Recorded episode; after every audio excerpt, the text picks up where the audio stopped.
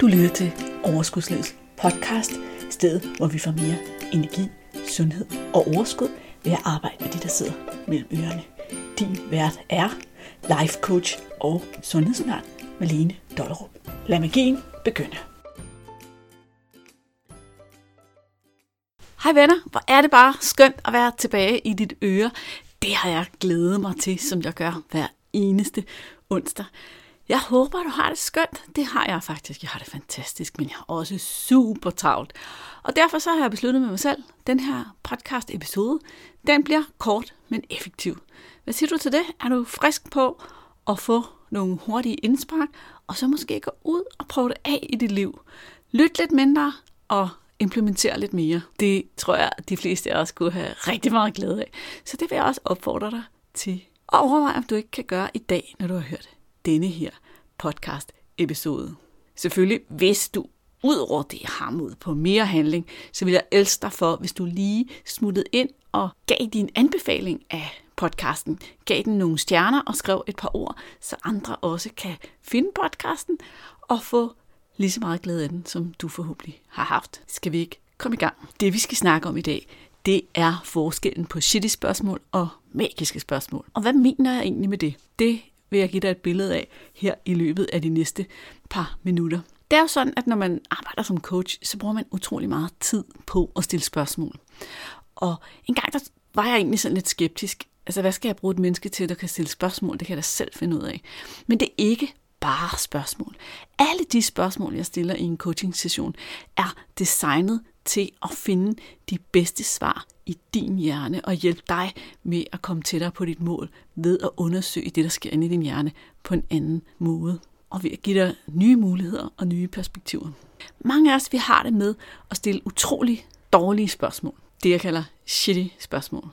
Og det gør vi jo ikke, fordi vi er dumme, fordi til den her podcast, der er jeg ret sikker på, at der faktisk kun findes intelligente lyttere. Nej, vi gør det bare, fordi vi ikke ved bedre, eller fordi vi underbevidst tror, at vi vil hjælpe os selv ved at stille spørgsmål på den måde, eller spørge os selv om det her. Eller fordi det bare er det første, der falder os ind, og vi har ikke ligesom opdraget os selv til at gøre det anderledes. Noget af det, som der i virkeligheden sker, når man er i et coachingforløb, er jo ikke bare, at man får løst sine problemer. Når du er et coachingforløb hos mig, så løser vi selvfølgelig dine problemer. Så ændrer vi dit forhold til mad. Vi skaber betingelserne for, at du kan få et vægttab, der holder, hvis det er det, du ønsker dig.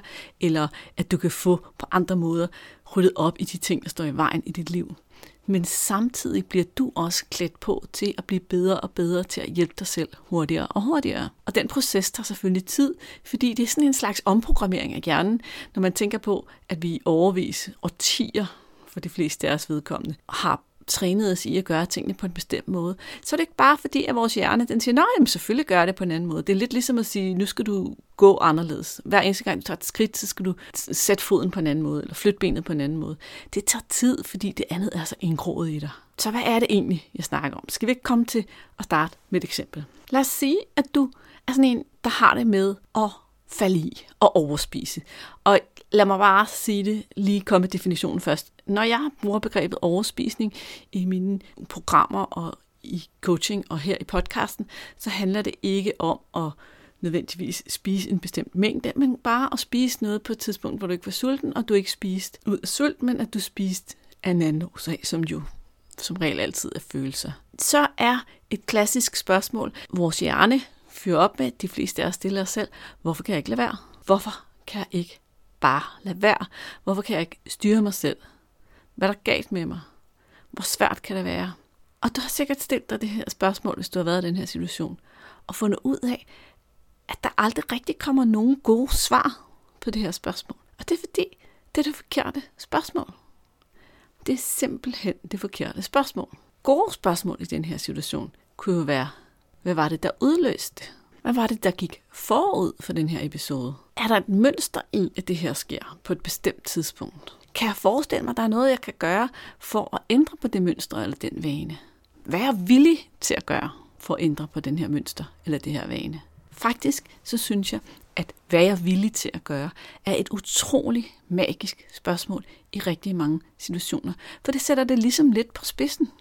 I bund og så grund, så kan man sige, vil du gerne holde op med at spise slik i sofaen om aftenen, og nu tager jeg bare det som et eksempel, fordi det har jeg mødt så mange kvinder, der gør, spise søde sager i sofaen om aftenen, eller når de kommer hjem fra arbejde, som er de to allermest typiske tidspunkter. Men sæt bare din egen situation ind her. Så er det første spørgsmål jo, hvad er jeg villig til at gøre? Og der gælder det jo selvfølgelig om at være ærlig. Er jeg villig til at sidde i sofaen og bare føle trang? Bare føle enorm trang til at spise det, uden at reagere på det? Er jeg villig til noget andet? Er jeg villig til at se på andre spiser det foran mig, og stadigvæk sige nej tak? Er jeg villig til at lade være at købe det en periode? Er jeg villig til at rejse mig op og gå en tur i stedet for at sætte mig ned i sofaen? Det er ikke fordi, der findes et rigtigt svar, men der findes muligheder, som du kan undersøge en af gangen, og så sige, men er jeg villig til det, når det kommer til stykket? Og være helt ærlig over for sig selv. Hvis man skal summe det op, så er det dårlige spørgsmål, hvorfor kan jeg ikke stoppe mig selv? Og det gode spørgsmål er, hvad skal der til for at ændre det her? Og hvad er jeg villig til at gøre? En anden variation kunne være, at du stiller dig selv det her dårlige spørgsmål. Hvorfor er jeg så dårlig til det her? Har du nogensinde spurgt dig selv, hvorfor er jeg så dårlig til det her? Hvorfor er jeg så dårlig til at holde mig fra søde sager, eller chips og snacks, eller sige nej tak på de rigtige tidspunkter, eller stoppe mig selv? Hvorfor er jeg så dårlig til at stoppe mig selv? Det er også et rigtig skidt spørgsmål. For hvad svaret? Har du nogensinde fået et konstruktivt svar på det spørgsmål, som du kan bruge til noget? Spørgsmålet leder sådan lidt op til, at der skal være noget galt med dig som menneske og person og din karakter og din viljestyrke. Men hvis du kender mig, så ved du også godt, at jeg tror ikke på, at mennesker er forkerte eller fejlbehæftede. Jeg tror bare på, at nogle gange så er der noget, som vi ikke har lært endnu, og som vi har brug for at lære.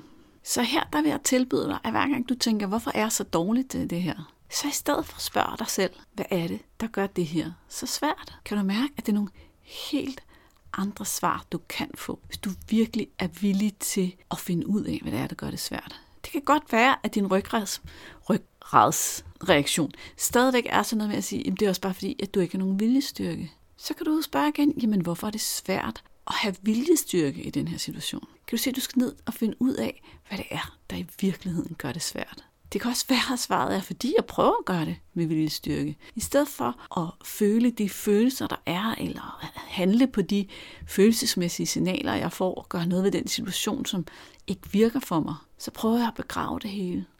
Og jeg har ikke andre redskaber, derfor er det svært. Okay? Men det er nogle helt andre svar, som giver dig nogle helt andre handlemuligheder. Det er det, de magiske spørgsmål gør. De giver dig handlemuligheder. Og det er derfor, jeg vil opfordre dig til at prøve nogle af dem. Se, hvad der sker, hvis du virkelig både prøver spørgsmålet af og giver dig selv tid til at svare på det. En klassiker, som vi nok alle sammen har prøvet på et eller andet tidspunkt i vores liv, det er en variation af det her spørgsmål. Nu kommer der et shitty spørgsmål nummer tre, nemlig, hvorfor gjorde jeg nu det? Kan du mærke det? Kan du mærke den der øh følelse? Bare af at stille dig selv spørgsmålet. Hvorfor gjorde jeg nu det? Igen så ligger det sådan implicit, at du har gjort noget forkert, og du er en fejl, og du skulle have gjort det på en anden måde. Og vi mennesker, vores liv er en stor fejl. Nej, det lød forkert. Vores, men, vores liv er en række af os, der går ud og prøver noget, og så går det ikke altid, som vi havde forestillet os. Og det er det, man kalder en fejl. Og det sker igen og igen hele livet, indtil vi ligger os i graven. Der kommer vi til at sige noget på den forkerte måde, gøre noget forkert, gøre noget, som bare ikke fik det udfald, vi forventede. Så det, vi stod og skulle til at gøre det, der virkede det logisk, og bagefter så fik vi et andet udfald, og så får vi det, kalder vi det en fejl. Og så er det, vi kritiserer og bebrejder os selv. Og vi kommer ingen vejen med at kritisere og bebrejde os selv. Det er sådan en idé, vores hjerne har om, at hvis jeg kritiserer mig selv og bebrejder mig selv, så kan jeg holde mig selv i snor, og så gør jeg det rigtigt næste gang. Men den virker aldrig rigtigt, den metode. Igen, så gælder det om at sige, og det har du garanteret hørt, ikke? Om ikke andet, så har jeg sagt det, men det, de, der er jo masser af kloge mennesker, der har sagt det her. Det her med, at vi skal lære af vores fejl, det er den eneste vej frem. Men vi skal også fejle for at lære og for at udvikle os og for at flytte os, komme nye steder hen. Så er vi simpelthen nødt til at fejle. Inden for forretning for eksempel, der har man sådan en, et koncept, der hedder, at du kan være villig til at fejle 100 gange, så kan du være ret sikker på at nå dit mål. Og det gælder med alt muligt. Hvis du skal ud og finde dig en ny kæreste, og du er villig til at gå på date med 100 fyre, så skal du nok finde en ny kæreste. Så kan det godt være, at der er 99 fejl men det er sådan, vi når i mål. Det vil jeg være villig til at fejle. Okay, der rører jeg lige ud af en tangent. Lad mig lige komme tilbage til spørgsmålet, hvorfor gjorde jeg nu det? Og så skifte det shitty spørgsmål ud med det magiske. Hvad er det magiske? Det magiske spørgsmål er ret simpelt. Hvad kan jeg lære af det her? Det kan udvides med, hvad kan jeg lære af det? Og hvad kunne jeg tænke mig at gøre anderledes næste gang? Og igen, vi er lidt tilbage til den, jeg egentlig indledte med. Hvorfor kan jeg ikke stoppe mig selv? Hvad kan jeg lære af det? Er altid et godt spørgsmål. Hvis du ikke kan komme i tanke om nogle af de andre spørgsmål, som jeg har foreslået dig som magiske spørgsmål, så kan du bare huske det ene. Hvad kan jeg lære af det her? Hvad kan jeg lære af det her? Det kan også være, at du spørger dig selv, hvorfor er det så svært? Og i virkeligheden er der ikke noget galt med, hvorfor er det så svært det her. Men nogle gange, så handler det ikke så meget om spørgsmålet, som måden, du stiller spørgsmålet til dig selv på. Hvis du siger, hvorfor er det så svært det her? Så ligger der igen implicit, at det er dig, der er noget galt med. Og derfor så, i sådan en situation, der vil jeg ikke anbefale dig at bruge spørgsmål, hvad er det, der gør det her svært? Der vil jeg i stedet for anbefale dig et andet magisk spørgsmål, som jeg også virkelig elsker, og som også nogle gange kræver, at du lige lader din hjerne få lidt tid. Er du klar? Her kommer det. Hvordan kan jeg gøre det her nemmere? I stedet for at spørge sig selv, hvorfor er det så svært det her? Så sig, hvordan kan jeg gøre det her nemmere? Hvorfor er det så svært at tabe sig? Hvordan kan jeg gøre det nemmere for mig at tabe? Hvorfor er det så svært for mig at komme ud og gå en tur, når jeg kommer hjem fra arbejde? Hvordan kan jeg gøre det nemmere for mig at komme ud og gå en tur, når jeg kommer hjem fra arbejde?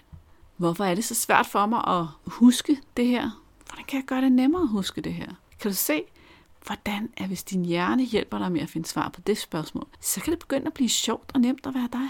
For alle de magiske spørgsmål gælder et lille trick, nemlig det her lille trick med lige at bruge tid til rent faktisk at lade sin hjerne finde et svar på spørgsmålet. Jeg plejer at sige, at det er forbudt at svare, det ved jeg ikke, i mine coaching-sessioner. Og hvis vi tager de her sådan, magiske spørgsmål, så kan vi jo lege med den idé, at det er dig, der coacher dig. Så gælder samme regel. Det er forbudt at sige, det ved jeg ikke. Og hvorfor er det det? Det er det, fordi at når vi siger, det ved jeg ikke, så føler hjernen, at den har svaret på spørgsmålet, og så holder den op med at lede efter svar. Derfor så gælder det om at sige, okay, men hvis jeg nu vidste, hvad har jeg så af muligheder? Simpelthen ikke at tillade sig selv at slippe afsted med at sige, det ved jeg ikke. Det næste shitty spørgsmål og magiske spørgsmål, det handler om negativ. Og hvad mener jeg med det? Jeg mener hele det her med, at vi er så bange for at føle, føle negative følelser. Det gør også, at vi dømmer os selv rigtig hårdt, når der er negative følelser til stede hos os. Og gør alt muligt for at slippe af med dem, inklusive overspise. Men nogle gange, så bliver det simpelthen bare, at vi stiller os selv det her spørgsmål. Hvorfor er jeg så negativ omkring den her ting? Gerne efterfulgt af noget omkring, jeg burde du, du, du, være glad og taknemmelig. Jeg havde engang en klient, som havde noget, som ikke var rart for hende, og som generede hende. Men hun kendte en, der havde det meget værre end hende, så hun syntes ikke rigtigt, at hun kunne være bekendt og have det skidt over den her ting. Og så delte jeg den her historie med hende, som jeg har delt et par gange. Så måske har du hørt den før, men jeg elsker den. Forestil dig, at du brækker benet, og det er et rigtig vemmeligt benbrud, og det gør ondt. Og du ligger på hospitalet med dit brækket ben. Og på etagen ovenover, der ligger der en anden kvinde, som har været ude fra et kæmpestort trafikuheld. Så hun har fået hjernerystelse og brækket otte knogler i sin krop. Yes, det gør ondt på hende, men bare fordi, at der ligger en på etagen ovenover og har ondt af at have brækket otte knogler og fået en hjernerystelse, betyder det jo ikke, at dit brækket ben ikke gør ondt. Og nogle gange så vil vi ikke anerkende vores egen følelse, fordi vi ikke giver os selv lov med begrundelsen, at andre har det værre end os selv. Hvis du lytter til den her podcast på det tidspunkt, hvor den bliver udgivet, altså her i slutningen af september 2020, så er vi jo lige midt i omblomstring, opblomstring af, af corona, hvor vi igen bliver udsat for restriktioner og sådan noget. Og det kunne også være sådan et typisk tilfælde, hvor vi gør det her mod os selv, ikke? og hvor vi godt med fordel kan være lidt ops på, hvad sker der egentlig lige. Det kunne for eksempel være, at jeg lige sidder og havde lidt ondt af mig selv over alt det, som jeg ikke kan på grund af corona. Og så kommer jeg i tanke om, ah, Malene, du har det da egentlig meget godt. Prøv at høre her. Du arbejder hjemmefra, og dit arbejde er ikke nødvendigvis særligt påvirket af det, og alle din familie er raske, og der er jo nogen, der har det meget værd. Der er nogen, min mand han har en kollega, som har hele familien syg af corona, og der er nogen, der har fået aflyst deres bryllup og alt muligt. Kan du høre? Så har jeg pludselig ikke lov at have det dårligt, fordi der er nogen, der har det værre end mig. Den er super farlig. Så her der kommer en metode, du så kan bruge, som også kræver du lige at villig til at bruge lidt tid. Og den her, den her, der kan jeg faktisk godt lide at skrive ned. Så spørger jeg nemlig i stedet for mig selv, hvilket så i stedet for at spørge mig selv, hvorfor er jeg så negativ omkring den her ting, og jeg burde også du, du, du, du, så siger jeg til mig selv, hvilke negative tanker har jeg omkring den her ting. Og så kan jeg skrive alle tankerne ned, en af gangen. Og så kan jeg begynde at undersøge, er de sande, og giver det mening, og måske er der nogle af dem, der er fuldstændig sande. Og så kan jeg give mig selv lov at være ked af det, eller frustreret, eller hvilken følelse, der nu kommer op, og sige, det er okay, det kan jeg godt forstå, Malene, at du er frustreret over. Og så kan jeg give slip på nogle af de andre tanker, som forstærker den her følelse af at være negativ omkring et eller andet emne. Nemlig alle de tanker, du fandt ud af i virkeligheden ikke rigtig holdt og ikke var værd at beholde. Et andet sted, hvor magiske spørgsmål med fordel kan erstatte shitty spørgsmål, det er, når vi snakker andre mennesker.